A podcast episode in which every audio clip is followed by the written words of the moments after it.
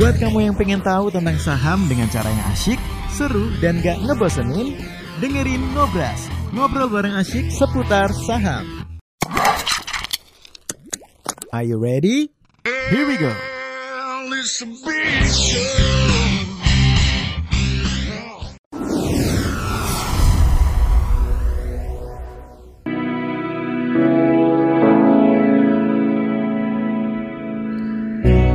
Selamat sore Bapak Ibu Sobat Investor. Ketemu lagi di Radio Padan Saham ya Radio Investor Saham. Program yang ditunggu-tunggu juga. Salah satu program uh, baru ya dari kita Sobat Investor ada di Klinik Pasar. Oke kenapa Klinik Pasar? Kemarin kita sempat mulai ya start untuk Klinik Pasar. Kita di sini coba untuk menampung uh, curhatan-curhatan Sobat Investor ya kalau misalnya belum sempat terjawab di morning briefing atau mungkin aduh masih segan untuk bertanya ya atau masih segan untuk keadaan portofolionya langsung aja sobat investor bisa join di klinik pasar sertakan namanya uh, gue sebutkan namanya ya. Uh, udah masuk di emiten apa terus ada kendala apa di portofolionya uh, loss di berapa berapa persen masuk di berapa biar kita coba bantu untuk portofolionya Bapak Ibu. Waktu kita cuma sejam, jadi uh, langsung aja Mas Pak. Kondisi pasar hari ini seperti apa? Seperti agak ricu ya dengan ISG yang minus 1,03. Oke, gimana ini Mas Wat? Selamat sore Bapak Ibu semuanya, uh, terus semangat. Yap. Jadi kalau misalnya tadi uh, ngeliat pergerakan pasar ya, jadi kalau dilihat, oh Pak ISG-nya tutupnya turun untuk 0,03 persen nih, satu persen gimana dong? Apakah udah mau turun lagi atau gimana segala macam? Mungkin banyak hal yang jadi pertanyaan ya Bapak Ibu ya. Yes. Sebenarnya kalau misalnya dilihat dari keadaan pasar sekarang, nggak ada yang perlu dikhawatirkan sih sebenarnya. Sejauh ini masih aman-aman aja sebenarnya. Kenapa? Hmm. Karena seperti yang kita ketahui ya dia berarti baik lagi nih ke dalam range area support yang sudah pernah kita buat jadi selama dia berada di area itu ya nggak masalah sebenarnya kan kalau ataupun perusahaan uh, IHSG atau emiten itu dia mau rally atau dia mau naik itu normal namanya koreksi sehat Bapak Ibu jadi tidak ada suatu hal yang perlu Bapak Ibu khawatirkan ya, ya. jadi kalau misalnya nanti Bapak Ibu Pak, uh, karena setelah saya ngebahas ini nanti Bapak Ibu boleh ibaratnya kayak ini ya, men mencurahkan lah perasaannya. Iya, enggak perasaannya. Portfolionya gitu. Portfolionya. Tapi baik lagi Bapak Ibu, ini disclaimer loh, bukan berarti ya. ini ajakan membeli atau menjual atau mungkin Anda harus ngapain enggak, tapi kami mencoba untuk menemani lah. Ya. ya kira-kira dengan gambar yang kita kasih semoga Bapak Ibu bisa lebih tenang. Nah, saya tidak berjanji akan menjawab semua juga Bapak Ibu, tapi waktunya akan lebih banyak ya. buat sesi pencurahan hatinya itu ya. Saya hanya akan bahas ada dua hal yang kalau tadi ada orang yang mas tolong dong saya mau nelfon nih tadi ada gitu dari ke saya gitu ya. Hmm. Uh, ini, ini gimana nih uh, mengenai masalah Tesla katanya batal ke Indonesia. Tuh dia tuh. Jadi kalau misalnya iya jadi ada beberapa juga yang nanya ke saya juga apa ini gimana ya Teslanya batal segala macam kira-kira akan seperti apa ya sebenarnya gini Bapak Ibu kalau seandainya, seandainya uh, Bapak Ibu ingat-ingat gitu ya, beberapa waktu yang lalu kita beberapa kali kayak bukan ngasih tanda-tanda sih, cuma kalau seandainya Tesla nggak jadi, kira-kira gimana? Sebenarnya kan ada suatu masalah. Kenapa? Kenapa nggak akan jadi masalah besar? Karena satu gini, kalau seandainya produsen mobil listrik itu cuma Tesla aja di dunia ini, barulah kita banyak apa ya uh, was-was gitu Bapak Ibu ya. Tapi kalau anda perhatikan, produsen mobil listrik dari tadi cuma satu Tesla, sekarang sudah makin banyak. Semua merek mobil besar pasti sudah mulai mengembangkan ke kendaraan listrik, ya Bapak Ibu ya. Itu artinya, itu artinya ya permintaan bukan mobil listriknya loh, yang berhubungan dengan baterai listriknya pasti akan meningkat. Betul. Karena sudah banyak produsennya kan. Betul. Nah sekarang kalau ditanya, uh, terus kira-kira gimana? Kalau ini jadi bermasalah nggak kena sahamnya atau akan kira-kira bisa turun lebih dalam lagi apa enggak? Bapak Ibu harus diperhatikan seperti ini. Saham-saham yang saat ini banyak dibicarakan banyak orang yang berhubungan dengan uh, baterai listrik lah ya, itu adalah Antam sama Inco. Si Tin sendiri itu punya korelasi karena dia produsen timah, karena pasti dibutuhkan untuk barang-barang elektronik yang mungkin berhubungan dengan mobil listrik juga Hendrik sebenarnya. Yeah. Jadi kalau misalnya ada bertanya, oh gara-gara Tesla ini udah habis nih semua udah, ini tiga saham udah selesai lah masanya. Justru enggak Bapak Ibu. Kenapa? Karena apa gini? Logika sederhana gini. Salah satu produsen terbesar di dunia itu ada di Indonesia sebenarnya. Salah satu Produsen terbesar di dunia otomotif. dunia loh ini. dunia nama dunia dan dia sudah masuk ke mobil listrik ya bapak ibu carilah salah satu perusahaan terbesar di dunia dia namanya udah besar banget di Indonesia dia dijual ma- apa eh, perusahaan TBK juga dan dia sudah masuk ke mobil listrik juga dan dia sudah bilang dia akan bangun pabrik besar di Indonesia loh tapi itu nggak jadi berita itu nggak jadi headline kalau saya lihat Nah, orang hanya fokus sama Tesla Tesla. Bapak Ibu coba Bapak Ibu perhatiin ya, Tesla itu sebenarnya secara market kapitalisasi ya, ibaratnya jumlah lembar saham ini dikalikan sahamnya memang dia terbesar dikali- dibandingkan yang lain. Tapi dari sisi jumlah unit mobil masih kalah loh sama merek-merek besar lainnya. Oh iya. Iya, jadi sebenarnya bukan suatu hal atau menjadi suatu masalah sebenarnya. Kenapa? Karena yang menggunakan baterai listrik ke depannya nggak cuma Tesla, tapi banyak produsen luar sana sudah beralih ke sana. Apakah mereka lagi bangun pabrik di Indonesia? Beberapa iya. Cuma nggak pernah diangkat aja beritanya. Sesekali aja. Jadi kalau misalnya Anda bertanya, apakah dengan Tesla ini batal dan tadi saya cari, saya cari beritanya, Drik mana beritanya gitu kan? Saya tanya juga, saya juga tanya sama Gilbert, mana beritanya? Yang saya lihat beritanya adalah Tesla mau bangun pa- pabrik mobil di India. Iya, Nah, kalau iya. bangun pabrik mobil di India kan emang di sini dia nggak mau bikin pabrik mobil, maunya bikin pabrik buat ngecas atau kayak power bank gitu loh. Oke. Bukan mau pabrik mobil mobil. Dari awal memang nggak ada narasi ke Sejauh ini sih nggak ada.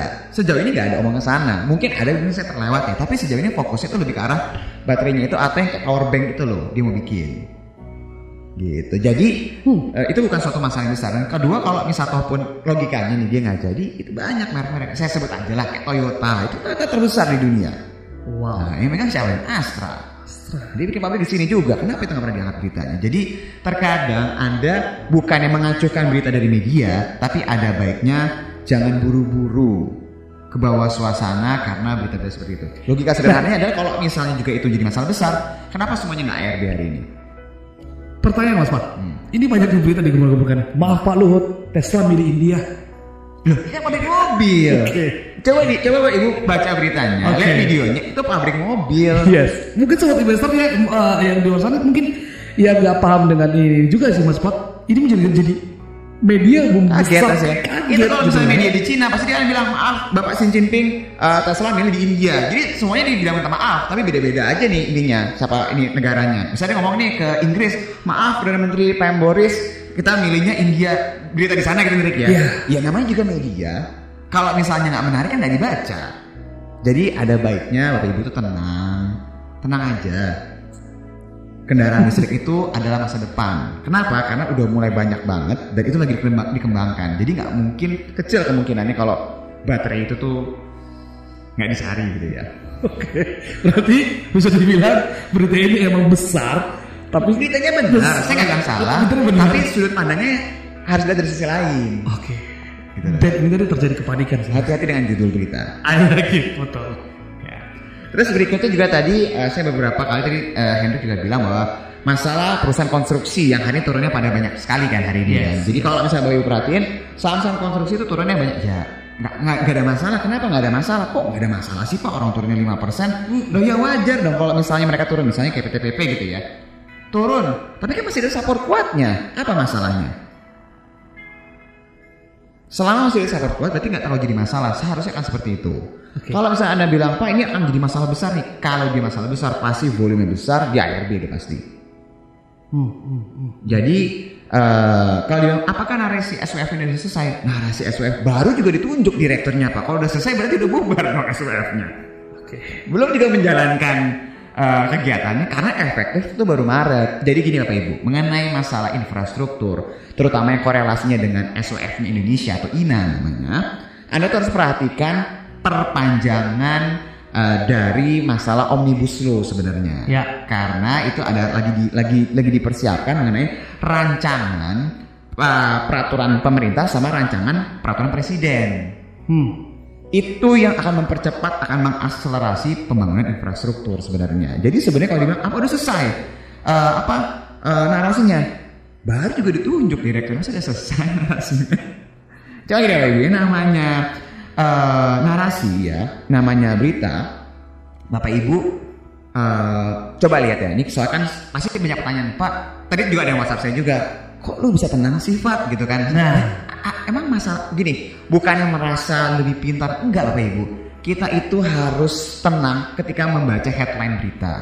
Ya, karena kita nggak tahu uh, di balik itu apa sih sebenarnya uh, makna dari judulnya gitu loh. Kalau kita dibilang maaf Pak Luhut uh, nggak pilih pabrik mobil, ya emang capek mau bikin pabrik mobil di sini. Hmm. Pabrik baterai kan yang mau dikejar kan. Kalau ataupun misalnya Teslanya baru awal-awal mau bikin misalnya nih, Pak dia langsung bikin pabrik mobil, Pak dia langsung bikin pancang-pancang dulu deh. Ya nggak apa-apa juga. Daripada nggak sama sekali kan. Dia datang dulu ke sini, dia lihat oh iya ya orang Indonesia nih baik-baik ya. Mungkin cobain nasi goreng di sini dulu kan, baru nanti dia oh oke nih. Iklim. Ingat loh, yang akan mendorong mereka investasi besar di sini adalah iklim investasi. Iklim investasi. Makanya kenapa nah, beberapa hari terakhir ini kami menyebutkan bahwa nggak cuma vaksin, tapi mengenai omnibus law ini, Nah. ini itu penting sekali karena itu yang akan merubah iklim keseluruhan. Apakah Uh. pemerintah akan santai-santai aja dengan uh, iklim investasi? Enggak, sama sekali enggak. Ini buktinya mau dibikin rancangan peraturan pemerintahan peraturan presiden. Jadi ini ibaratnya kebut nih. Kebot. Karena vaksin massal, jangan sampai vaksin massal selesai, ada jeda pembangunannya berhenti. Gitu. Oke, eh, sebelumnya nih, ini ini ada berita baru lagi baru keluar Mas Pat. Apa tuh? Eh, jadikah Tesla bangun pabrik di RI? Ini kata anak buah eh, Pak Luhut ya. Mhm. Katanya sih maaf, saya ada non disclosure agreement atau perjanjian tidak boleh diungkapkan ke publik. Betul. Tidak bisa disclose atau diungkapkan apa-apa, katanya gitu ya. Sebelumnya eh, anak buahnya mengungkapkan pihaknya telah menerima proposal rencana investasi Tesla di Indonesia. Menurutnya proposal rencana investasi yang ditawarkan Tesla ini berbeda dengan calon mitra yang lain, yakni ada yang udah masuk juga dari Cina, ada CA CATL dan ada perusahaan asal Korea LG. Dia menyebutkan perbedaan ini karena teknologi dasar yang digunakan Tesla berbeda dengan kedua perusahaan lainnya. Kalau saya lihat memang proposal yang mereka berikan agak berbeda dengan CTA CATL dan LG. Karena sepintas memang base techno mereka agak berbeda. Oke, dia mengatakan Tesla kemungkinan akan berinvestasi di bidang energy storage system Iya kan? atau SS, ESS. ESS ini seperti power bank Hmm. dengan giga baterai skala besar yang bisa menyimpan tenaga listrik eh, besar hingga puluhan megawatt bahkan sampai dengan 1000 megawatt untuk stabilisator atau untuk pengganti sebagai pembangkit penopang bahan puncak di mobil listrik. Berarti Berarti emang kita sama kayak minggu lalu kan? sama kan? Iya, apa yang salah? Itulah pasar ada ini. ya. Kadang-kadang tuh ya berita tuh kadang-kadang kayak misal waktu itu ada yang apa PSBB, gitu kan. Kadang-kadang kok ya kok ya tapi Udah itu itulah duluan. pasar, Ya. itulah pasar. Terus kalau misalnya dibilang apakah nanti eh, Teslanya akan jadi bangun pabrik atau enggak? Coba gini, ketika dia bilang mau bangunnya pabrik yang kayak power bank seperti itu, berarti kan coba deh kita berpikir kayak jadi Elon Musk-nya lah. Hmm. Dia kan ngeliat dong di sini pasti banyak dong pemain otomotifnya juga kan Ya. dia pasti ngambil gimana caranya nggak cuma baterainya gitu misalnya ya gimana caranya yang nanti juga bergantung sama teknologinya dia Oke. gitu jadi sebenarnya kalau saya lihat beritanya sama-sama aja cuma judulnya di, agak dirubah aja jadi Kan di rumah aja benar. Pertanyaan Mas Pat mungkin agak oh, langsung tanya nih ya bukan Oke. terhadap ini juga. Iya. Tadi juga sempat dibahas di radio. Kalau misalnya pabrik eh, listrik eh, pabrik mobilnya di India, pabrik baterai di Indonesia. Mhm.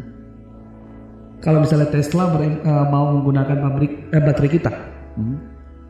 mobilnya yang datang ke sini, atau baterai kita yang ke sana? pertanyaannya adalah mau dijual ke mana kalau ngomongin India sama Indonesia dua-duanya populasi besar Ya, jadi kalau misalnya dibilang bisa pasar di sini bisa juga pasar di luar sana ya. Iya kan? Jadi kalau misalnya bilang apakah baterainya dikirim ke sana, gak ada masalah mau baterai dikirim ke sana atau mau dikirim ke sini kan? Hmm. Selama kalau misalnya mobilnya dikirim ke sini, harganya nggak mahal. Oke. Ya dong, gampang ngomongnya kan. Hmm. Kalau misalnya dikirim ke sana, ya sudah ekspor aja baterai ke sana. Nah, pertanyaan berikutnya, Hmm. kalau baterai dikirim ke sana, emiten apa yang diuntungkan? Kalau misalnya dibilang baterainya dikirim ke sana, ya jelas bahan baku baterainya lah tetap diuntungkan. Karena pasti butuh banyak dong. Oke, kalau untuk logistik? Kalau logistik sebenarnya jujur saya nggak tahu karena kalau logistik itu apakah ngirim baterai listrik sama kayak ngirim baterai alkalin trik kan kita nggak tahu kan. Jadi itu yang harus dipastikan terlebih dahulu. Memang terkadang eh, eh, m- karena satu headline jadi Iya. ada ke mana-mana. Ke mana-mana Iya, ke mana. Padahal sebenarnya kalau misalnya gue tanya gini, banyak kok mobil-mobil di luar sana yang apa pabrik di luar sana kirim ke Indonesia juga banyak kan? Yes. Tapi nggak ada masalah kan? Iya, iya. Gitu. Lu ngomong ngomong, ngomong pelabuhan gitu maksudnya. Bukan, bukan. Ada juga tadi yang bulu. Oh. EPCC diuntungkan gak sih dengan kalau baterai kirim ke sana? Atau malah eh, kayak tadi ada bilang, bul bul gimana bul? Kalau Bull kan lebih ke arah kayak dia kapal tanker ya, Dik ya, untuk kirim LNG, Yes. kirim gas, kirim Yes. minyak. Setahu saya seperti itu. Kalau ngomongin masalah ke IPCC atau IPCM itu lebih ke arah ya otomotif. Dan dia pangsa pasar kan Asia Tenggara. Jadi Bapak Ibu ada bagusnya ketika kita melihat sesuatu tuh melihat dari berbagai macam perspektif. Oke. Jadi akan jauh lebih tenang. Tenang aja. Enggak, enggak. Sejauh ini kayak bukannya mau soal apa enggak, ya, sejauh ini masih nggak ada masalah kok pasar. Aman-aman aja. Aman-aman aja ya. Mungkin Dan eh, Babang Hendrik aja yang coba investor mulai hening dari tadi soalnya. nggak masalah. Tenang aja Bapak Ibu. Oke sobat investor, ya eh, pertanyaannya boleh di share di WhatsApp kita ya. Misalnya masuk di mana, ini kita bisa di luar antam juga ya. Boleh emiten apa aja, portofolio yang masih terganggu, yang masih punya ada masalah di portofolionya, coba di sharekan ke kita ya. Ini eh, ada juga nih Pak Pat, saya minus 34% Pak. Oke. Ada 1100 lot, Mm-mm. Modal di 2093. Mhm. Jadi minus sekitar 79 juta. Mhm. Sebaiknya saya average down atau dibiarkan aja pak. Oke, ini kan HMSP. HMSP ya. Coba kita lihat sama-sama ya, bapak atau ibu ini. eh, saya nggak nggak tahu ya bapak atau ibu Kimiko ya. Ini kalau misalnya bapak atau ibu lihat ya, kita coba buka HMSP-nya ya. Jadi kalau misalnya dilihat, apakah HMSP ini sebenarnya dari sisi pola ini eh, bagus atau tidak? Kita ngomong ada dari sisi narasi, ada dari sisi si saham itu sendiri ya. Kalau ngomongin dari sisi fundamentalnya sebenarnya perusahaan rokok yang memang dia jualan itu uh, rokok-rokok yang tergolong premium lah ya Hendrik ya Bapak Yes. Ibu ya yang memang dia itu uh, kalau saya lihat yang paling kena besar dari sisi cukai dia sama gudang garam sebenarnya makanya kalau anda lihat kenapa sih kok saham WIM sama HMSP sama gudang garam kayak bumi sama langit gitu ya beda banget pergerakannya karena memang dari sisi cukai rokok imbasnya nggak terlalu besar dan dari sisi uh, daya beli masyarakat Ya. sepertinya ada pergeseran. Mereka mungkin ya sudah dah yang penting rokok. Kalau sudah yang penting rokok berarti sudah nggak ngeliat merek kan? Udah ngomong harga. Udah ngomong harga. ya jadi ini yang mungkin eh, menjadi salah satu katalis yang nggak bagus untuk si HMSP ini sendiri. Nah kalau misalnya eh, saya mau tahan sahamnya kenapa mau ditahan sahamnya apakah jangka panjang masih bagus atau tidak? Jelas yang namanya perusahaan seperti rokok ini terlepas saya tidak merokok ini masih masih jauh ceritanya masih panjang pasti ceritanya. Karena yang namanya konsumen itu nggak mungkin berhenti. Tapi dari sisi pertumbuhannya mungkin akan berbeda. Dan kalau kita lihat adalah kalau selama ini eh, eh, apa cukai rokok itu dikenakan ada ada terus naik gitu ya cukai rokok ya. Oke. Kemarin pas lagi covid aja ini yang sering kita bahas ya covid aja ada kenaikan cukai rokok, apalagi ekonominya udah mulai stabil, apalagi udah recovery. Nah, apakah cukai rokoknya sama atau mungkin lebih tinggi lagi kan? Jadi itu yang sebenarnya eh, menjadi salah satu yang dipertimbangkan kalau anda di industri rokok ya. Nah, sekarang kalau misalnya saya sudah beli tadi di harga 1000 eh 2093 ya. Jadi ini sebenarnya masih pas di dari tahun lalu berarti nih ya, Bapak atau Ibu ya. dari tahun dari mungkin dari awal tahun lalu ini kalau misalnya saya tangkap ya. Apakah saya harus average atau tidak? Kalau misalnya niatnya itu untuk invest ya, untuk invest, lain ya ceritanya ya. Jadi mungkin Anda akan pertimbangkan nih, oke ini udah jauh banget dari harga saya beli, Ya. Anda bisa pertimbangkan kalau emang niatnya untuk invest. Tapi kalau niat untuk trading atau mungkin untuk swing, kalau melihat dari pergerakan yang sekarang, sebenarnya sih dari sisi chartnya nggak terlalu menarik sih sejauh ini. Jadi kalau misalnya bapak atau ibu average ya, eh, ekspektasinya mau langsung naik dalam waktu dekat gitu ya, ini kayaknya agak susah sebenarnya. Kecuali kecuali ya kecuali dia bisa tutup lagi di atas 1400 gitu loh. Jadi kalau misalnya boleh nggak sih saya average lagi di harga sekarang ini gitu ya. Kalau beli di harga sekarang agak risikonya kayak 50-50 Bapak Ibu. Jadi kalau misalnya beli di sekarang nih turunnya tuh masih ada potensi lagi gitu loh. Jadi Ya. dia belum ada perubahan arah sama sekali. Jadi eh, mungkin itu yang harus dipertimbangkan sih. Tapi kalau misalnya Pak, em, saya nggak masalah deh kalau nanti dia turun lagi. Toh saya juga harga average di atas. Nanti kalau misalnya dia turun lagi, saya tambah lagi. Nanti pas the next saya jual. Setidaknya average saya turun. Yang tadinya loss, loss saya bisa berkurang. Itu lain lagi ceritanya. Oke. Ya, apakah bisa memungkinkan? Memungkinkan sih. Karena kan dia udah turun udah udah udah berkat udah udah lama banget gitu loh Hendrik ya Bapak Ibu ya. Jadi boleh nggak sih saya average silahkan, tapi ada baiknya diperhatikan entry pointnya di berapa. Siap. Ya, jadi misalnya gini, misalnya nih ya Bapak Ibu ya, ini kalau dilihat ya sekarang sebenarnya supportnya udah, udah lewat, tapi dia ada support baru nih 1360 sampai 14. Jadi selama dia di area-area ini ya nggak masalah. Misalnya Ibu average nih atau Bapak average nih, dia selama di, selama dalam area ini nggak masalah. Tapi ketika dia mulai di bawah 1360 ya agak berubah tuh ceritanya. Mungkin nggak kalau misalnya saya harus lepas, Pak, saya itu nggak tega. Kalau ngelepas semuanya, saya harus cut loss semuanya. Jauh loh, Pak. Ya sudah, Bapak atau Ibu, supaya lebih tenang psikologisnya, jangan langsung cut loss semuanya. Oke. Cut loss dulu mungkin 30% dulu, atau sekian persen kalau kondisinya di bawah 1360. Gitu. Jadi jadi sebenarnya di sini tuh kami tuh mencoba untuk menenangkan psikologis Bapak Ibu sih. Betul. Ya, jadi supaya lebih tenang dan, dan tahu harus ngapain. Benar. Gitu, Dek. Gitu Bapak Ibu. Langsung bisa di WhatsApp kita ya. Hmm. Oke, nggak soal nggak soal cut loss juga nggak masalah. Soal yang happy happy juga boleh diceritakan, ya boleh di sharing sharingkan di sobat investor. Ah, bang, profit rata-rata saya di agro. Coba sebentar kita cek untuk agro ya. Ah, agro, agi, agi ya, ira dan pura turun dari yang tadinya 11% jadi 7%. Mhm. Apakah ada yang perlu dihilangkan atau dimasukkan ke agi semua? Contoh kalau misalnya mau pilih agi. Dari segi dari segi s- apa namanya? statistiknya eh statistik teknikalnya daily-nya udah overbought di stokastiknya S- kecuali si agi Mhm. Mhm. gimana mas saya takut ini jadi dari 11% malah jadi nggak nggak cuan Oke, Bapak Ibu harus dimengerti bahwa yang namanya selama belum dijual itu masih namanya unrealized ya, masih belum direalisasikan. Jadi ketika misalnya kita lihat nih malam-malam, ih senangnya ngelihatnya plus nih uh, portfolio 5%, selama belum dijual itu artinya belum bisa dianggap untung gitu Bapak Ibu. Ya, kenapa saya harus ngomong seperti ini? Itu realitasnya. Karena kalau misalnya kita berharap, itu jadi berharap jadinya. Nah, apa sih yang harus dilakukan kalau misalnya tadi punya agi, punya agro, punya apa lagi tadi, punya agi Agro, ira Ira, dan pura dan pura. Hmm. Apakah harus dijual semuanya pindahin ke agi? iya Atau dia harus diapain? Nah, ka- karena dia eh, bapaknya melihat stokastik daily-nya udah overbought nih, Hmm. kecuali si Agi. Oke. Nah kalau misalnya bapak pakai stokastik kan jelas itu berarti kan lebih ke arah tradingnya jangka pendek ya. Betul. Ya jadi bukan yang bapak ibu ba- bapak atau ibu tuh hold itu mungkin dari lebih dari dua minggu atau mungkin dari sebulan lebih pendek lah setahu saya seperti itu. Nah kalau seandainya keadaan seperti ini kan bapak bertanya apakah saya kurangin aja jadi cuma saya pindah ke adi aja. Ketika anda punya 5 saham atau punya empat saham dibandingkan anda punya satu saham memang kalau sekalinya lagi naik yang satu memang lebih kencang pasti. Yes. Tapi ketika yang satunya itu turun, cuma ada satu, sedangkan eh, yang lain semua naik, kita pasti akan ngerasa, ya coba beli yang itu. Tapi dengan Anda punya beberapa saham, secara psikologis normalnya, normalnya, Anda akan lebih ngerasa, ya sudah, yang satu turun, yang satu kan masih naik. Ada penghiburnya.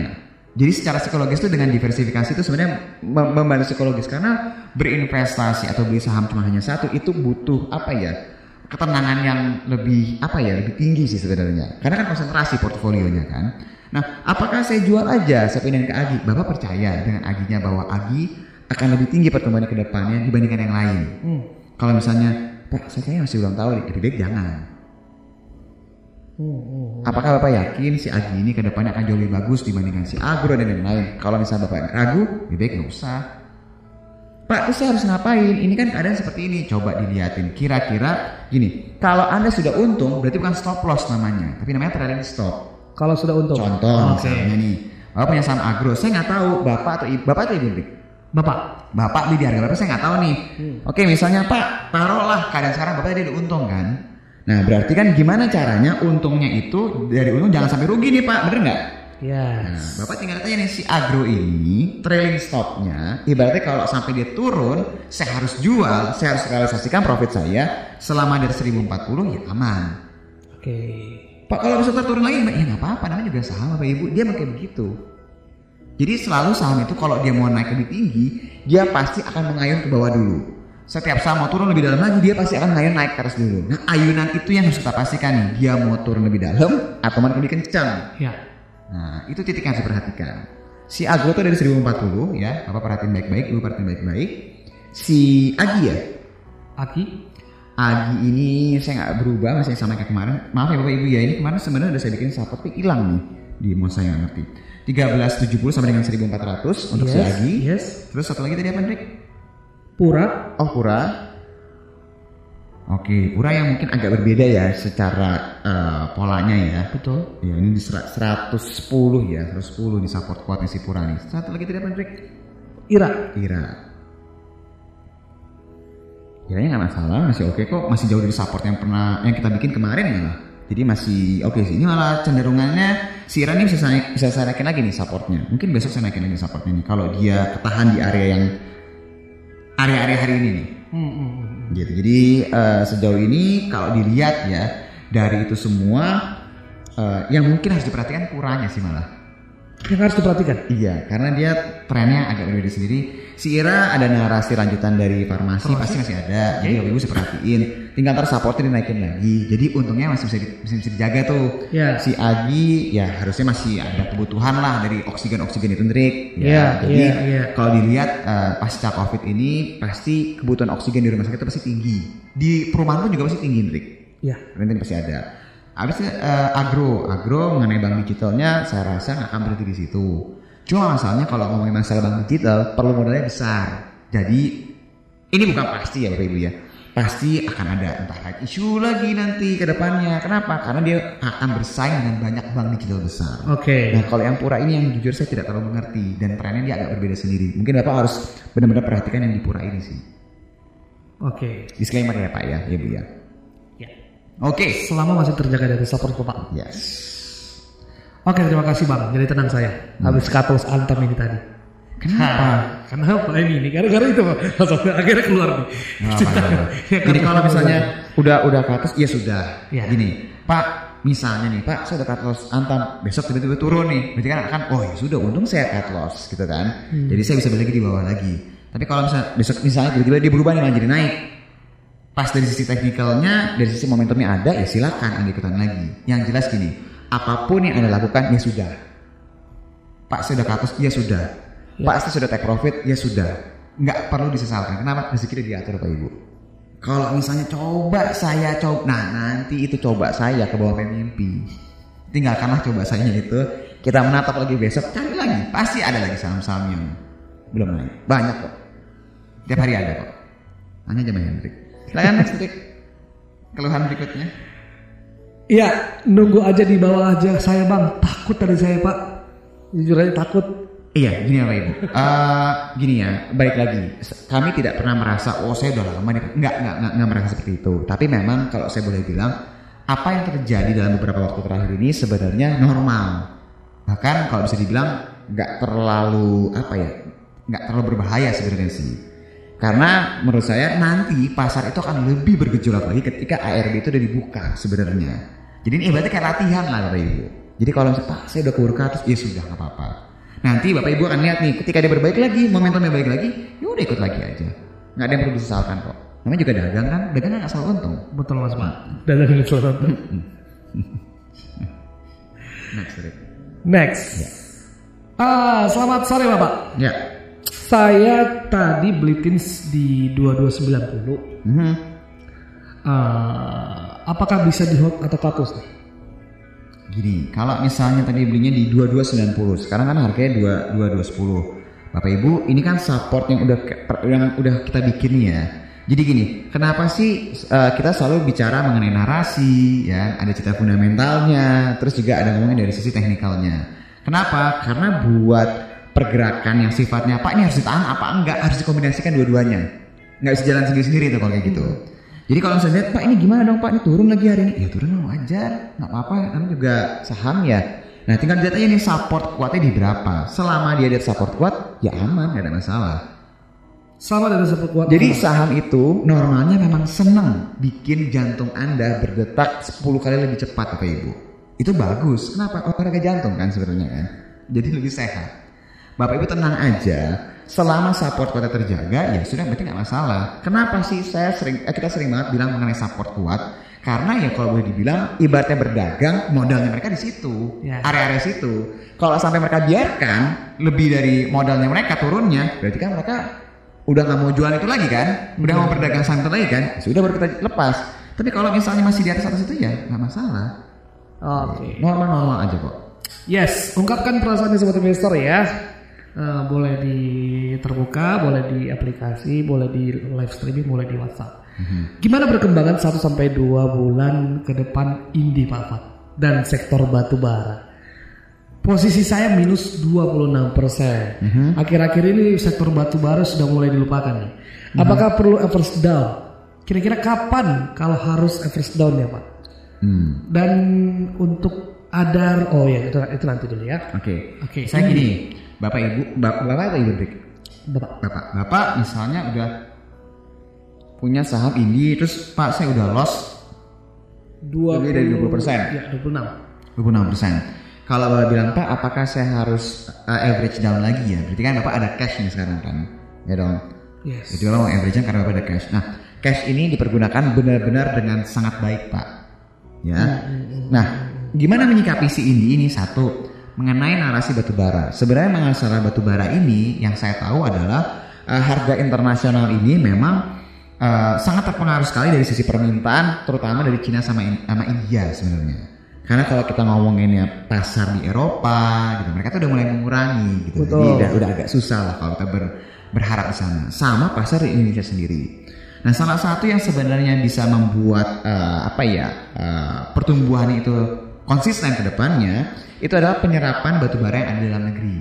Nah, cuma kalau misalnya dibeli sama pemerintah, harga jualnya berapa nih rata-ratanya? Itu sih yang yang saya belum ketemu lagi beritanya mengenai draft mengenai penggunaan batu bara untuk energi eh, untuk eh, pembangkit listrik, Drake. Yes. Itu sih sebenarnya yang lagi saya tunggu sebenarnya beritanya. Kalau dari luar negeri itu ya paling kalau musim dingin permintaannya banyak, nanti pas musim panas turun lagi, gitu-gitu aja sih Bapak Ibu kalau harga internasional ya. Jadi sebenarnya bisa mem- mempertahankan jangka panjangnya itu dari dalam negeri. Oke.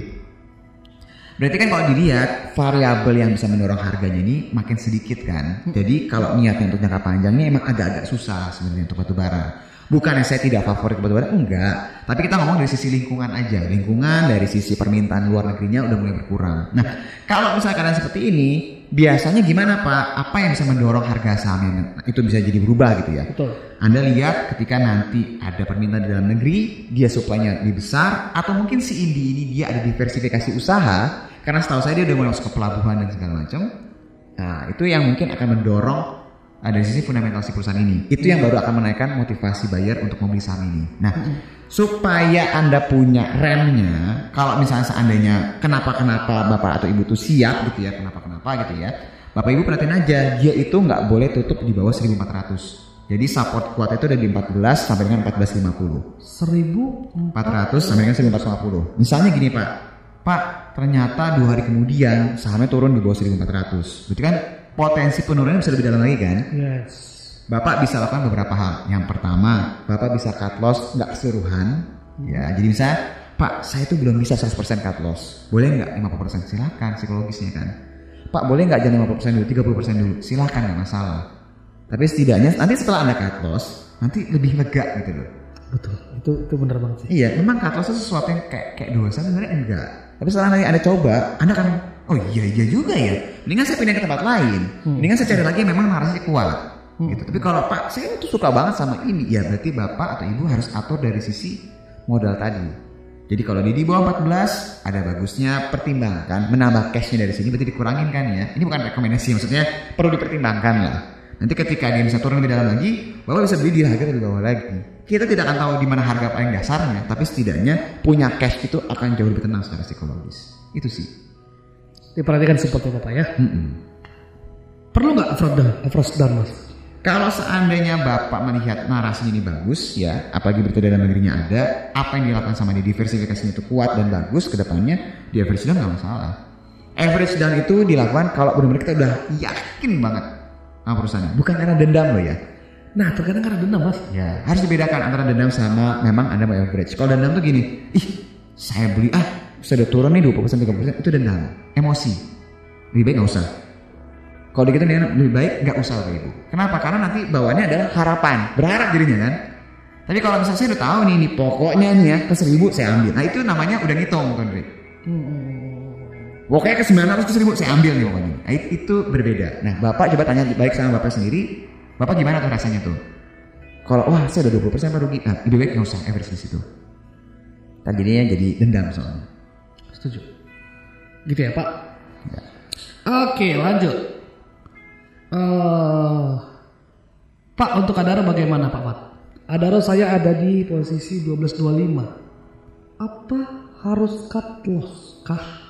Oke, Adaro itu berita terakhir itu yang saya tahu memang dia lagi eh, nyari pendanaan atau dia lagi negosiasi utang ya sebenarnya.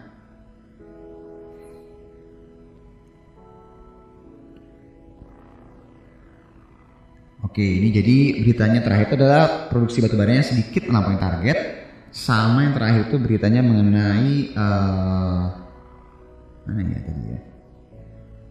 Oke, Oke gini sih sebenarnya gini. Eh, ini sama aja sebenarnya industri batubara juga Hendrik ya. Jadi narasi sama. Jadi bapak ibu kalau misalnya punya saham batubara, kalau boleh saya menyarankan, yang anda harus perhatikan itu adalah narasi dalam negeri sebenarnya bukan dari luar negeri yang akan berpengaruh sangat besar sekali. Kenapa?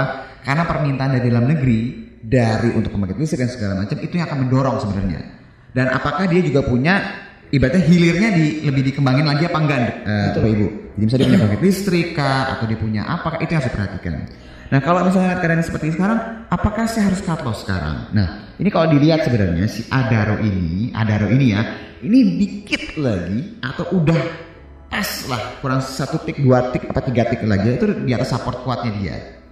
Ini sebenarnya kasusnya, jadi gini bapak ibu, kalau saham yang lagi downtrend memang agak susah mencari bawahnya, Ya. ya jadi kalau seandainya tetap di bawah 1160 ya misalnya dia bisa ke 1100 gitu itu lebih baik. Ada baiknya dikurangi posisinya. Ada baiknya. Kenapa? Karena secara momentumnya hilang. Oke. tapi kalau dia lagi uptrend pas di dekat-dekat area supportnya biasanya itu mantul. Contohnya apa kayak harum itu loh. Harum kan pas dekat-dekat area supportnya dia mantul kan? Yes. ini kalau misalnya anda lihat harum Oh, supportnya kan 6, 6050 sampai 6400 yang mereka sebutkan ketika dia nyentuh area-area dekat supportnya deket aja dia mantul lagi. Nah, kalau lagi downtrend itu yang agak susah mencarinya. Jadi Anda harus disiplin. Kalau seandainya dia melewati support kok tadi, ya sudah lepas lepas aja dulu. Pak, saya tapi ruginya banyak loh. Nggak apa-apa Bapak Ibu. Rugi itu adalah bagian dari pembelajaran. Ya, saya juga pernah rugi, rugi besar banget juga pernah. Hendrik pun juga pernah. Kenapa? Karena eh, kalau misalnya kita tahan-tahan, satu psikologis pasti terganggu, akhirnya uangnya pun jadi nggak mutar jadinya gitu kan. Kecuali memang Bapak sama Ibu, oh saya tahu Pak, Adaro itu ke depannya akan seperti gini gini gini. Saya malah mau nanti ambil lagi di bawah. Lain lagi itu ceritanya. Gitu. Siap. Masuk. Selamat sore, Sorry. bapak-bapak. Ah, gimana pak kalau misalnya saya rencana untuk investasi selama lima tahun aja? Mhm. Apakah untung? Hmm, pertanyaan yang mudah, tapi jawabannya sangat susah. Karena apa bapak atau ibu tergantung apa yang anda beli. Satu. Tetap itu ya. Nah, kedua tergantung pasarnya juga. Misalnya nih, wah saya beli nih pak buat lima tahun, tapi ternyata dari tahun pertama sampai tahun keempat untung besar besaran, pas tahun kelima marketnya crash. Bisa jadi balik lagi dari untung jadi rugi. Itulah pasar. Makanya kalau misalnya Bapak Ibu, saya sih ngomong apa adanya aja ya. Jadi kalau misalnya Bapak Ibu berniat investasinya itu sampai lima tahun, berarti harus dicari tahu benar-benar detail tentang perusahaannya. Fundamental. Fundamental. Untuk entry pointnya untuk masuknya bisa digabungin sama technical supaya lebih maksimal. Jadi misalnya kalau di fundamental, oh saya beli nih pak, kalau misalnya harga wajar sekian, eh, potensi naiknya sekian persen, saya akan beli sahamnya. Tapi kalau di technical dia bisa bantu tuh, pas di area-area di bawah, jadi lebih maksimal hasilnya. Jadi kalau bisa boleh nggak lima tahun silakan pak, 10 tahun juga boleh, 20 tahun juga boleh. Tapi cari perusahaan yang benar-benar bapak tuh sudah pahami bukan cuma bisnisnya aja, keuangannya kira-kira gimana, ke depannya akan seperti apa. Karena nanti di modul edukasi kita nanti akan ada gimana caranya melihat perusahaan ke depan tuh gimana. Karena baru baca-baca raca dulu kan kemarin kan. Iya baru baca. Benar, benar, benar. Berarti tetap diperhatikan perusahaannya mas Fatih. Betul. Nggak, nggak asal ah LQ 45 nggak suka. Enggak, jadi satu lihat ya satu perusahaannya udah dilihat, udah mengerti, udah dicek. Justru sebenarnya ke depannya harus lihat adalah kuartal setiap kuartal kan laporan keuangan rilis tuh, dilihat tuh laporan keuangannya. Yang ketiga yang paling penting sebenarnya narasinya dia. Beritanya dia seperti apa tiap hari. Tiap hari pasti ada beritanya atau tiap minggu atau tiap bulan pasti ada beritanya kan. Perhatiin tuh. Ada yang berubah nggak nanti ke depannya seperti apa? Misalnya nih, Pak, saya beli nih misalnya misalnya perusahaannya misalnya Telkom gitu misalnya. Ini saya mau contoh misalnya dari Telkom nih, Pak. Kenapa? Oh iya, karena saya lihat perusahaan ini bagus ke depannya dan segala macam. Tapi pas laporan keuangannya, oh masih bagus gitu. Tapi ternyata pas pas di semester kedua gitu misalnya, ternyata misalnya, oh Telkomnya batal nih, nggak jadi divestasi usahanya. Terus eh, ternyata misalnya pesaingnya makin banyak pelanggannya segala macam. Nah itu kan saingan persaingan bisnis ya. Jadi itu yang harus diperhatikan sendiri. Jadi setiap perusahaan pasti ceritanya beda-beda. Itu yang harus diperhatiin. Kalau Bapak Ibu bingung, silakan tanya. Semoga kita bisa menjawab. Betul. Oh, ditambah lagi Pak Mat. Hmm. Sebaiknya saya investasi itu oh, oh, satu kali dana masuk, biarin, Mhm. atau cicil-cicil tiap bulan Mas Oke, sebenarnya apakah lebih baik saya langsung sekali beli atau cicil-cicil tiap bulan? Satu, baik lagi, sumber dana Anda seperti apa? Apakah Anda adalah tipikal orang yang menyisihkan dari gaji tiap bulanan, dari mungkin bonus yang Anda sisihkan, atau mungkin Anda adalah tipikal orang yang memang pendapatannya itu mungkin tidak menentu? Beda kan? Ya. Ya, kalau nggak menentu ya berarti sesuai pas dananya itu masuk. Tapi kalau misalnya ada lagi namanya kita sebut namanya lamsam, sekali beli gitu misalnya. Satu one shot ya. Betul. one shot ya. One shot itu yang disebutnya one shot kan. Nah, Iya. itu benar-benar dibutuhkan timing yang tepat. Tapi masalahnya di market nggak ada timing yang tepat. Susah, bisa dibilang mustahil. Gitu. Jadi kalau saya bilang, boleh nggak Pak saya langsung sekali hit, langsung sekali beli? Nggak masalah juga. Cuma kalau tiba-tiba marketnya lagi nggak bagus, ya akhirnya jadi turun kan. Tapi kalau cicil-cicil marketnya turun, harga atas dapat, harga bawah dapat. Ini tergantung stylenya masing-masing sih. Kalau misalnya bapak nanya, misalnya kayak ke saya gitu ya, saya tipikal orang yang nggak mungkin beli di satu harga sih, jadi pasti beberapa harga. Kalau Mas Mat, Ya, saya lihat nih ke support kuatnya, set beberapa harga, tembus support kuatnya ya jual, nggak apa-apa. Pokoknya ketika ruginya saya hitung, rugi saya 2% 3% nggak masalah lah. Selama untungnya bisa 20%. Misalnya gitu ya. Mohon maaf nih, kita kan kadang-kadang harus agak perhitungan di situ kan. ya. Tapi kalau ternyata pas entry point sekali masuk dihitung, oh ini posisi, potensi ruginya 10% nih, saya tinggalin biasanya. Nah itu bisa tuh cicil-cicil ya. Kalau dapat ya rezeki, kalau nggak dapat ya sudah. Oke. Kalau misalnya dapat ya rezeki gitu. Jadi Oh. tergantung stylenya bapak sama ibu. Tergantung style Bapak sama Ibu. Nggak ada yang salah. Selamat sore Mas Mat, mau curhat nih. Boleh silakan.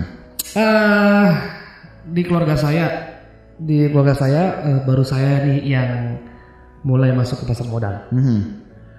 Oke, setelah beberapa kemarin udah sering, udah lumayan cuan di saham-saham farmasi.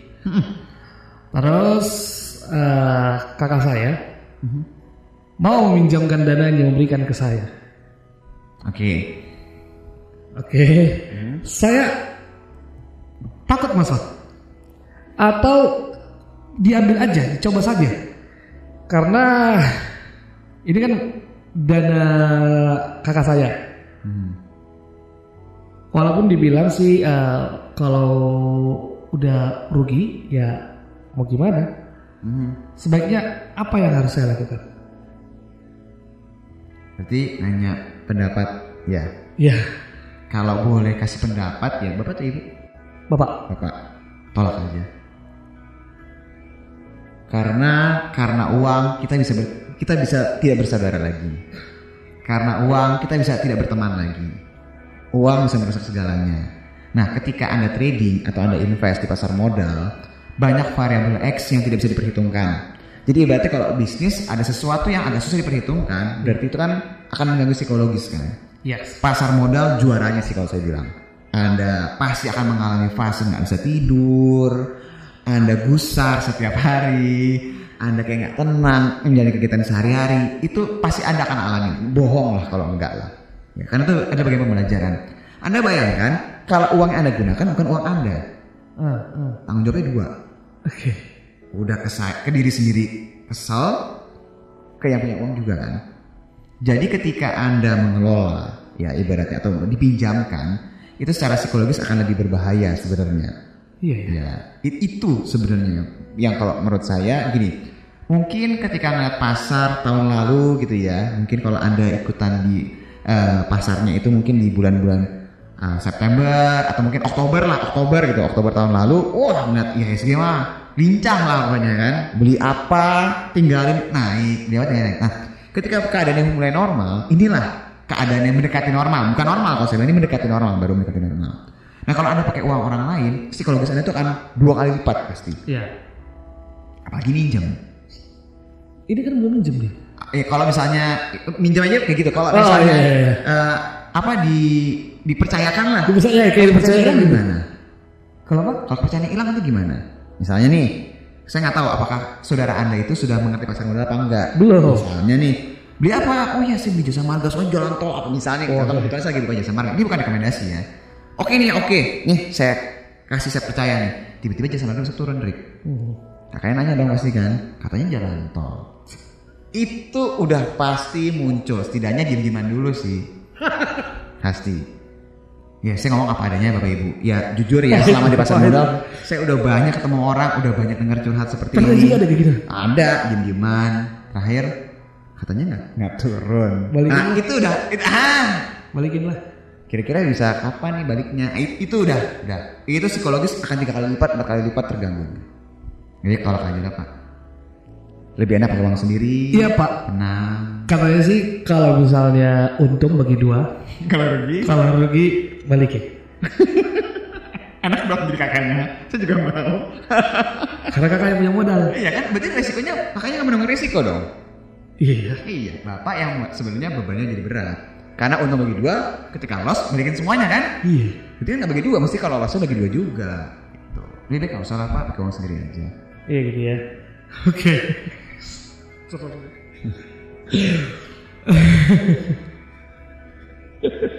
Ngeri juga ya. Iya. Pak, mau tanya dong Mas Pak. Hmm. Gimana sih ngontrol psikologis ketika saham turun? Karena saya pribadi sering panik selling. Hmm. Satu, beli yang anda tahu. Anda harus benar-benar pahami narasinya dia.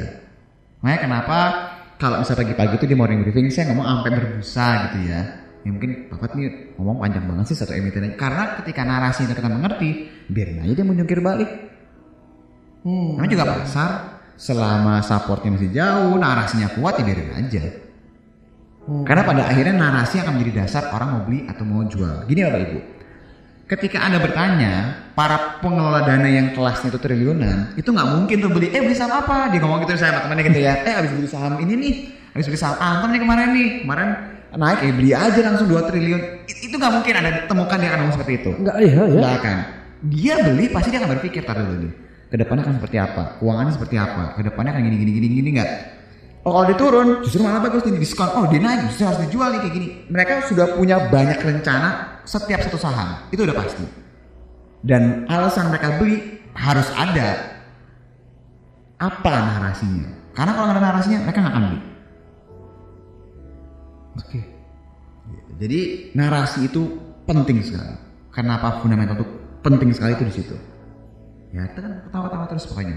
Kenapa? Ya sudah dia mau turun selama ada narasi kuat nggak ada masalah. Ingat, berita headline bisa suka-suka mereka. Tapi anda yang bisa menentukan, ya udah dimin aja. Ya? Betul. ISG-nya juga gimana? ISG juga masih tenang-tenang aja kan? Iya. Kalau misalnya ISG misalnya besok ditutupnya 3090 eh 6090 gitu misalnya. Terus eh, hasilnya keluar segala, ah itu barulah kita was-was. Ini kan dia masih di area-area situ, ini aja. Kalau Pak, tapi saya lihat nih saham-saham ini eh, komoditas turun nih Pak sampai 5%. Ya tapi kan sekali naik juga 10% Pak. Sekali naik kan 15%. Kalau misalnya Bapak Ibu nggak mau yang turun 5%, ya belinya Bank Mandiri, BRI, Telkom, yang gitu-gitu. Siap. Mas Wat, Ya, eh ada gangguan suara nanti katanya Bu. di mana? Nggak tahu. Hmm. Oke, dari Om Deddy. Mhm. Oke, aman. Yuk. Mas Mat. Eh, nah, itu tadi soal cut loss ya. Gimana Pak saya supaya nggak FOMO? Jujur Mas Fat. Setiap lihat yang naik panik mau kejar. Saya kayak gak rela gitu ya masuk di eh, kondisi saham yang lagi turun. Maunya pas udah naik konfirmasi tapi kejar. Eh, ujung-ujungnya balik. Hmm. Contoh apa sahamnya? Disebutkan nggak sahamnya apa? Loh. Sering-sering aja kayak gitu katanya. Oke, gini. FOMO itu kan namanya fear of missing out kalau saya nggak Iya. salah. Ibaratnya nggak mau ketinggalan lah dengan kereta. Jadi udah hajar hajar hajar hajar kanan lah. Hajar kanan. Geng hajar kanan lah ya. Geng HK. Ah kamu conku, oke. Jadi kalau misalnya ditanya apakah salah atau tidak nggak ada yang salah sebenarnya. HK itu atau misalnya beli di harga over ya ketika lagi naik diperbolehkan nggak ada yang nggak ada yang nggak ada yang ngarang-ngarang juga uang uang kita kok ya. Tapi bapak ibu harus ingat ketika anda mengejar sesuatu yang lagi naik anda ada baiknya jangan langsung full. Ya dong. Misalnya nih contoh misalnya salah apa yang tadi naik? Eh, Hari ini kijak-kijak contoh. kepik misalnya nggak kepik? Ah, ini kayak gini nih. Ini kan nggak enak kan kalau lihat gambarnya kan? Iya, Ya. Saya tidak tahu apakah anda ada yang pegang saham atau tidak, tapi yang jelas gini, ketika dia naik kencang pagi-pagi, langsung hajar nih, beli di harga over nih segala macam. Berarti kan anda pengambil keputusannya udah murni karena emosi, Ya. ya kan? Emosi ini cara untuk mitigasi risikonya. Nanti pada akhirnya anda nggak akan melakukan hal itu sih. Gimana caranya biar anda tetap bisa apa ya ibaratnya risikonya terjaga, emosinya tersalurkan. Kalau ataupun loss, anda nggak akan kesel. Tahu nggak gimana caranya? Gimana? Misalnya nih, anda ngeliat saham kepik nih. Misalnya kita ngomong hari ini lah kemarin. Kemarin, kemarin, kemarin. Anda udah niat nih. Saya pokoknya udah niat nih pak. Saya mau beli saham kepik 10 juta misalnya. Contoh. Contoh ini dari alokasi 10 juta nih contohnya nih. Besok langsung ambil nih, harga over nih. Langsung saya ambil beberapa tik di atas. Ya. Tapi saya belinya nggak 10 juta, Jadi 2 juta aja. Kenapa? Dengan ngatur money manajemennya, nggak usah full, Anda dapat emosi yang Anda inginkan. oke. Kalau ataupun loss Anda akan ketawa-ketawa karena saya masih punya sisanya lagi. Kalau turun saya beli lagi di bawah kan kayak gitu kan? Sikat lo. Itu. Jadi supaya Anda itu nanti pelan-pelan secara psikologis itu terjaga, jangan langsung beli full. Apalagi kayak RTL. Belinya tuh sedikit eh, 20% dulu, 30% dulu. Ntar kalau turun, kayak tadi kalau saya nggak salah tadi ada yang nanya masalah inko ya. Inko. Masalah yang ternyata ketinggalan road race road race itu loh. Cuma tadi kan dibilang, Bu, ada baiknya belinya itu bertahap. Nanti kalau saya harga sekian, beli aja dulu 20% dulu, 50% dulu nanti kalau turun beli lagi. Kan dapatnya turun nih. Betul. Nah itulah sebenarnya fungsinya money management. Satu saham itu jangan langsung full sekali masuk. Jadi nanti pada akhirnya Anda nggak akan ikut-ikutan ini lagi. Biarin aja mau naik kencang. Ya begini rezeki saya. Cari lagi-lagi yang lain belum naik. Sus gampang ngomongnya pelan-pelan diimplementasiin. Lu udah mulai ngerasain nggak tadi? Hal-hal sederhana tapi imbasnya besar sekali. Benar, benar, benar. Oke, saya kemarin Pak tadi malam nggak bisa tidur tidur karena mantengin nikel. Eh malah terjun nikelnya hari ini. Hmm. Iya, iya. Oh, jadi kalau misalnya Anda adalah tipikal orang yang memperhatikan pergerakan harga internasional malam-malam terus bisa sampai ke bawah mimpi, ya, Anda Itu Anda artinya? ya, nah, itu berarti artinya dia sudah masuk dalam alam bawah sadar Anda. Nah, kalau sudah seperti itu, Ya. Anda harus tahu, ta- cari tahu narasinya apa dulu. Karena gini loh, Anda memperhatikan harga internasional, Anda memperhatikan indeks di luar sana, nggak ada yang salah. Ya. Tapi kalau dia sudah merasuki Anda, Apa? itu merasuki ya, Oke. masuk ke dalam eh, alam Alam bawah sadar, sadar. itu sudah berbahaya. Nah, gimana caranya supaya anda tuh nggak nggak kepikiran? Misalnya anda beli saham komoditas nikel, tadi kan dibilang kan, cari tahu apakah nikel ini ke depannya penggunaannya akan seperti apa. Oh iya pak, mobil listrik banyak, baterainya banyak yang make, nggak cuma Tesla doang produsennya. Masa iya sih penggunaan cuma sedikit? Itu udah pasti mengurangi tekanan di pikiran batin anda bahwa ya sudah harganya turun masa iya permintaannya banyak harganya nggak naik jadi anda kayak gitu nanti tuh Ya. baru nanti pelan pelan dia nggak masuk dalam alam mimpi anda lagi sampai anda lupa Betul. Ah, cut loss bisa membuat saya lega, Pak. hmm. Karena tidak melihat angka loss setiap hari. Mhm. Setelah cut loss saya beli saham lain yang potensi yang potensial edukasi dan Monica banyak sangat membantu Bang. yes betul Betul sekali. Iya ya. ya emang sih agak uh, uh, uh, kadang sobat investor ya mungkin untuk katos itu agak-agak susah kali ya. Tapi ya mau mau gimana daripada harus Mhm. semakin dalam ya. Mhm, mhm, mhm. Nggak ada yang salah, nggak ada yang salah. nggak ada yang salah. Pak Fat, untuk Inko Mhm. lagi downtrend kah orang tua ini? Oke, coba kita buka sahamnya ya. Oke. Kalau misalnya Anda lihat, itu kan sebelumnya kita pernah bikin support yang udah beberapa hari terakhir kan. Hmm. Kok iya ya, dia nyentuh, tapi dia nyentuh lagi. Berarti support yang kita buat ini sejauh ini support yang sangat kuat sekali. Sejauh ini. Itu ada di area 58 sampai 59. Dia nyentuh tadi 59, dia bantu lagi. Dia meninggalkan area itu lagi. Berarti area itu sangat kuat sekali. Terus kalau misalnya Ibu perhatikan, dibilang apakah dia udah mulai downtrend? Ciri-ciri downtrend itu apa sih? Misalnya kita lihat nih Bapak Ibu lihat ya. Oh dia pernah nih turun ya Pak, ya dari Januari pertengahan turun terus. Nih terendahnya di sini kan? Yes. Naik, turun lagi nih Pak. Di sini terendahnya kan? Naik, turun lagi. Di sini terendahnya kan? Sementara, ini kan? Ya, Berarti dia lagi apa apa downtrend? lagi downtrend. Gitu? Dia tadinya di sini. Oke. Ya, naik, Turun, turun, naik. naik, turun. Oh, Berarti titik masih terendahnya lebih tinggi ya? Iya. Titik terendahnya Lebih lebih, tinggi. tinggi. daripada yang Iya. kemarin. Yang terendah lebih tinggi daripada yang kemarin. Bukan yang terendah lebih rendah daripada yang kemarin. Walaupun ada ya mungkin ada indikasi seminggu terakhir agak turun itu bukan menandakan bahwa sahamnya lagi downtrend. Jadi kalau misalnya dilihat kita lihatnya harus dari dalam beberapa waktu ke belakang. Yes. Jadi kalau itu dari sini sebenarnya masih uptrend sih. Jangka pendek ya, sebulan ini terakhir dia lagi uptrend sebenarnya. Pokoknya kunci di 58 59 itu tadi. Selama di atas itu ya sudah aman. Pak tapi turunnya sampai 2% tadi saya sempat biarin aja Bapak Ibu. Emang kadang-kadang sanggup suka minta diperhatiin sih. Diemin aja. Nggak masalah kok. Saya perhatian ya. Pak, Ya. saya mau nanya, Hmm. bagaimana cara manfaatin info Monica? Tadi saya beli APLN sesuai eh, saran Monica, Mhm. tapi habis itu turun. Nah, Bapak pakai apa? Terima kasih. Perintahnya. Sempat naik ke 182, Mm-mm. tapi belum kejual. Karena taking profit Monica di 184. Targetnya maksudnya.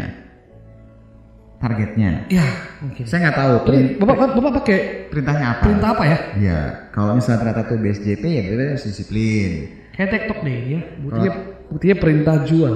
Kalau TikTok itu berarti harus cepat, nggak Ya. bisa nggak bisa lama-lama, karena dia muncul hanya dalam waktu singkat, bahwa harus atau ibu harus jual lagi, gitu. Karena dia hanya ngelihat ada momen sebentar, TikTok. TikTok, ini juga TikTok.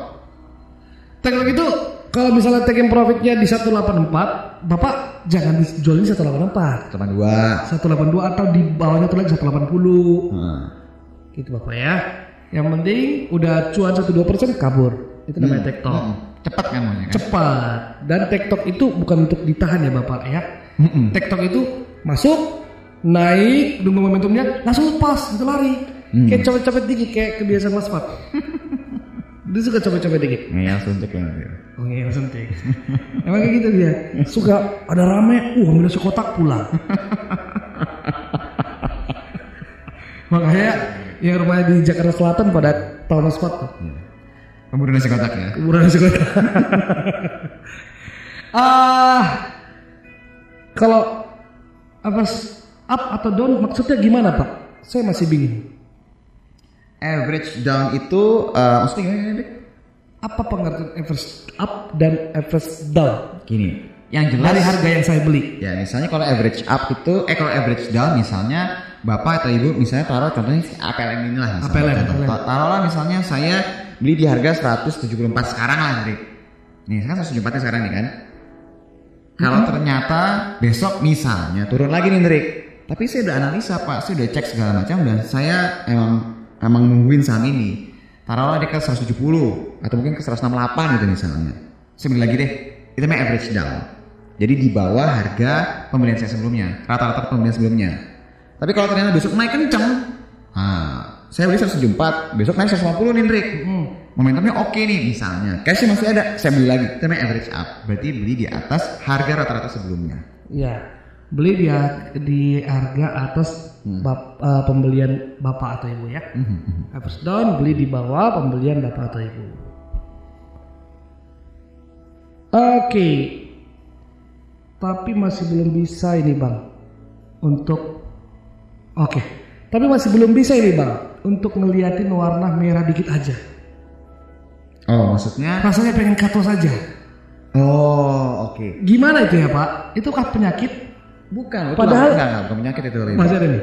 Padahal niatnya itu mau agak lama nahannya. Hmm. Apakah nggak usah dilihat marketnya selama seminggu? Kalau gitu gimana? Nanti kalau yang kalau yang lain malah turun, mohon pencerahan pencerahannya bang dokter.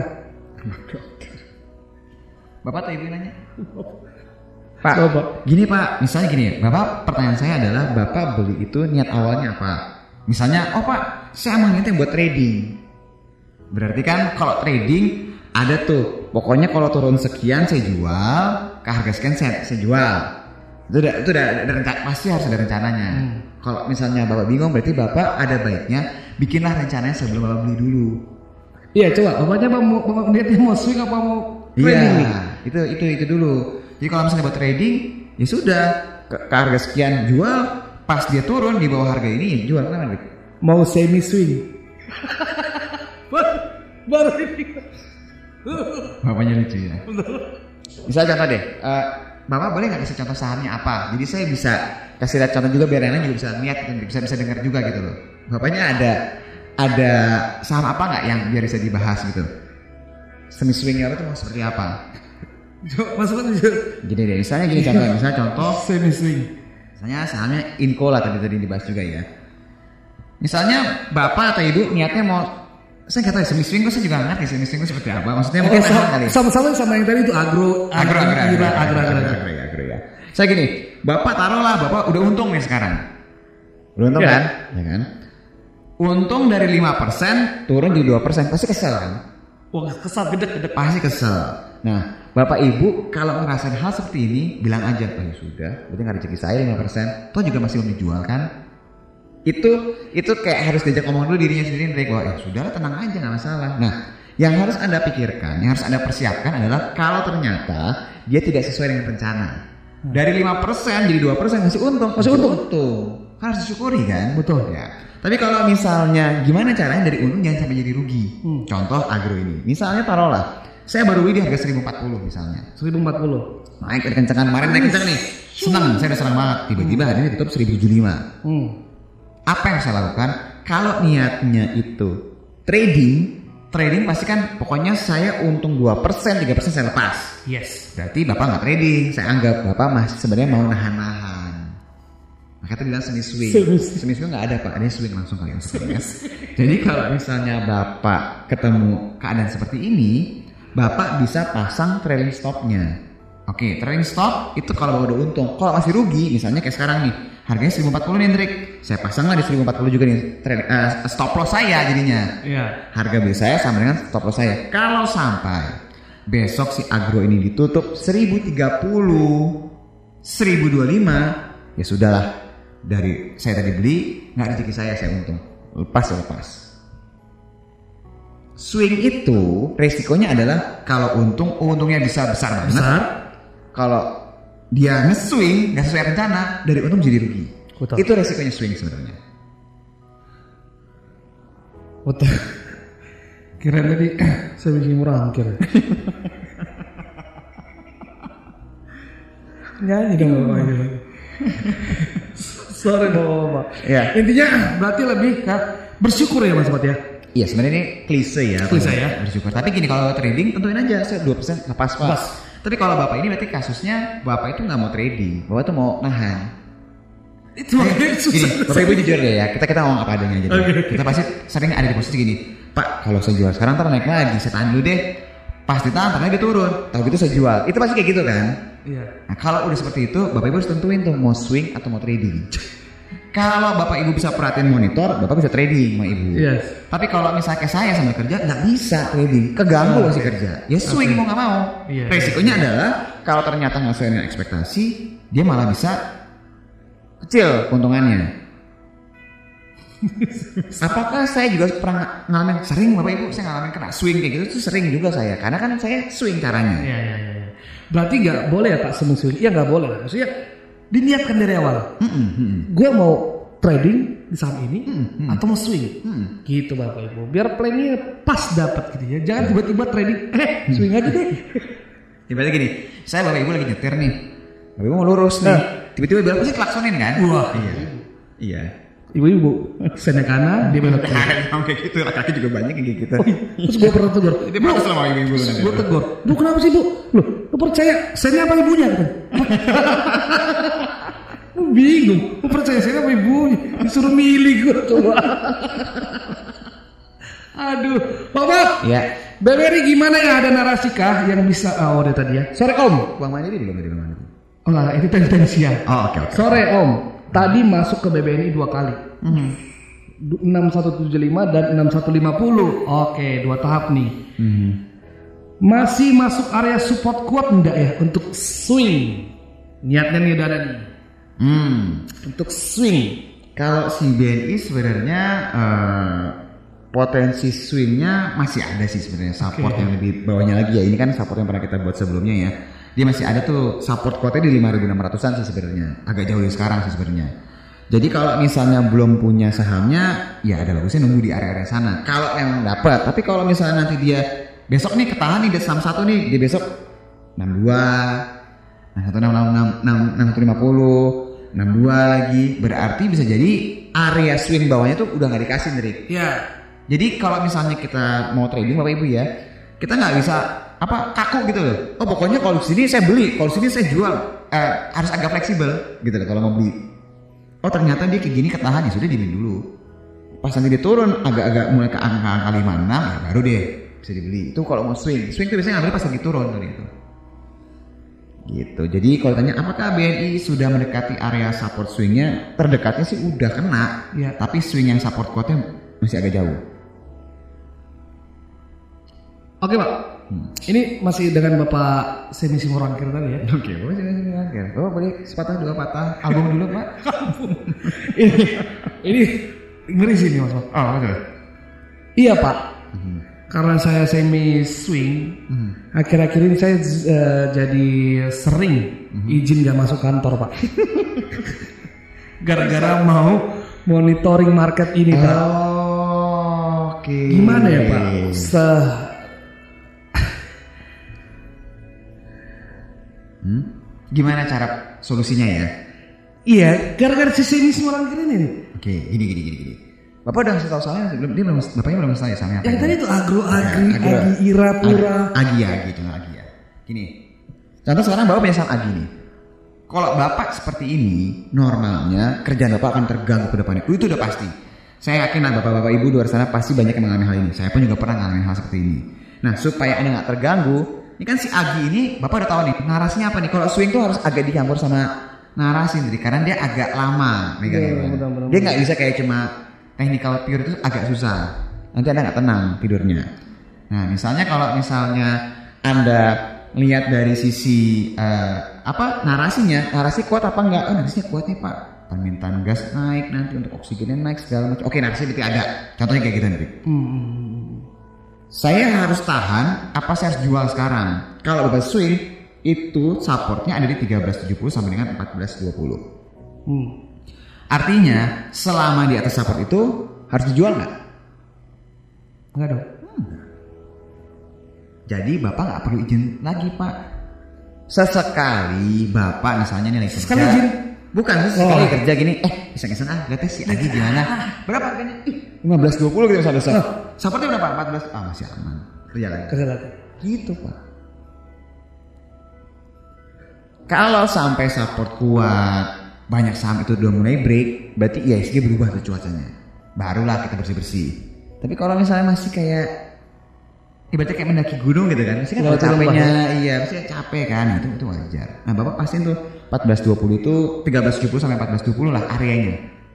Gitu. Jadi pasti untuk area ada di mana aja Pak. Jadi Bapak tenang, kerja pun juga tenang. Betul. Saran sih, saran sih kalau misalnya bapak memang orang kantoran, orang kerjaan yang sibuk gitu ya, mending swing aja ya. Swing. Jangan semi swing pak. Ini nanggung nanggung. Kalau bapak liburan, lagi libur nih, pasti jam market boleh masuk ke trading. Hmm. Cepet-cepet uang uang uang soto gitu. Tapi biasanya kalau udah swing, Anda nggak bisa trading. Ya, oh iya. Karena gayanya udah Udah beda ya? Heeh. Jujur kalau saya saya bisa kayak ngelakuin trading cepat gitu Hendrik ya. Saya lebih sering loss kalau trading cepat. Jujur aja saya. Karena emang saya swing. Hmm. Jadi apa alam bawah sadar saya ya tahan aja dulu. Nah, harusnya nggak boleh tahan kan. gitu. Iya. Berarti mas besok saya kantor dong ini. Kah kantor apa? Jangan kantor gimana sih?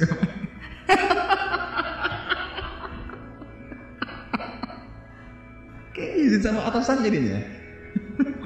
Bapak harus kantor pak, Bapak kantor, Bapak kerja dengan tenang. Bapak mulai menghasilkan cuan, Bapak ajak teman-teman di kantor Bapak, yuk trading sama-sama. Itu pak. Harus bapak jadi contoh nih. Iya, nanti Waduh. pasti nanti akan mulai tuh keluhan-keluhan. Nanti bapak akan dipanggil pak dokter pasti nanti. Pak, gimana nih pak? Saya baru nah, bapak tenang aja. Pasin support tuh gimana? Supaya kita kerja. Jangan sampai kau izin-izin loh nanti. Nah, nanti bapak balikin kayak gitu. Iya, Bang Bos ya kan? Bos ke mana bos? Mau tanda tangan nih? Bentar lagi trading itu kan? Swing dong. Jangan pakai semi. Kayak tenang aja pak. Iya, iya. Dipraktekin aja. Saya nggak akan, saya, bapak ibu perhatiin ya. Kalau anda sudah mulai coba masalah support kuat ini, kenapa selalu saya sering banget bahas support kuat sama support terdekat? Itu sebenarnya buat anda tuh biar lebih tenang tradingnya. Iya Pak, soalnya saya ada target Pak. Untuk tahun 2021 saya harus merit. Oh, Jadi saya harus semi swing. Tadinya.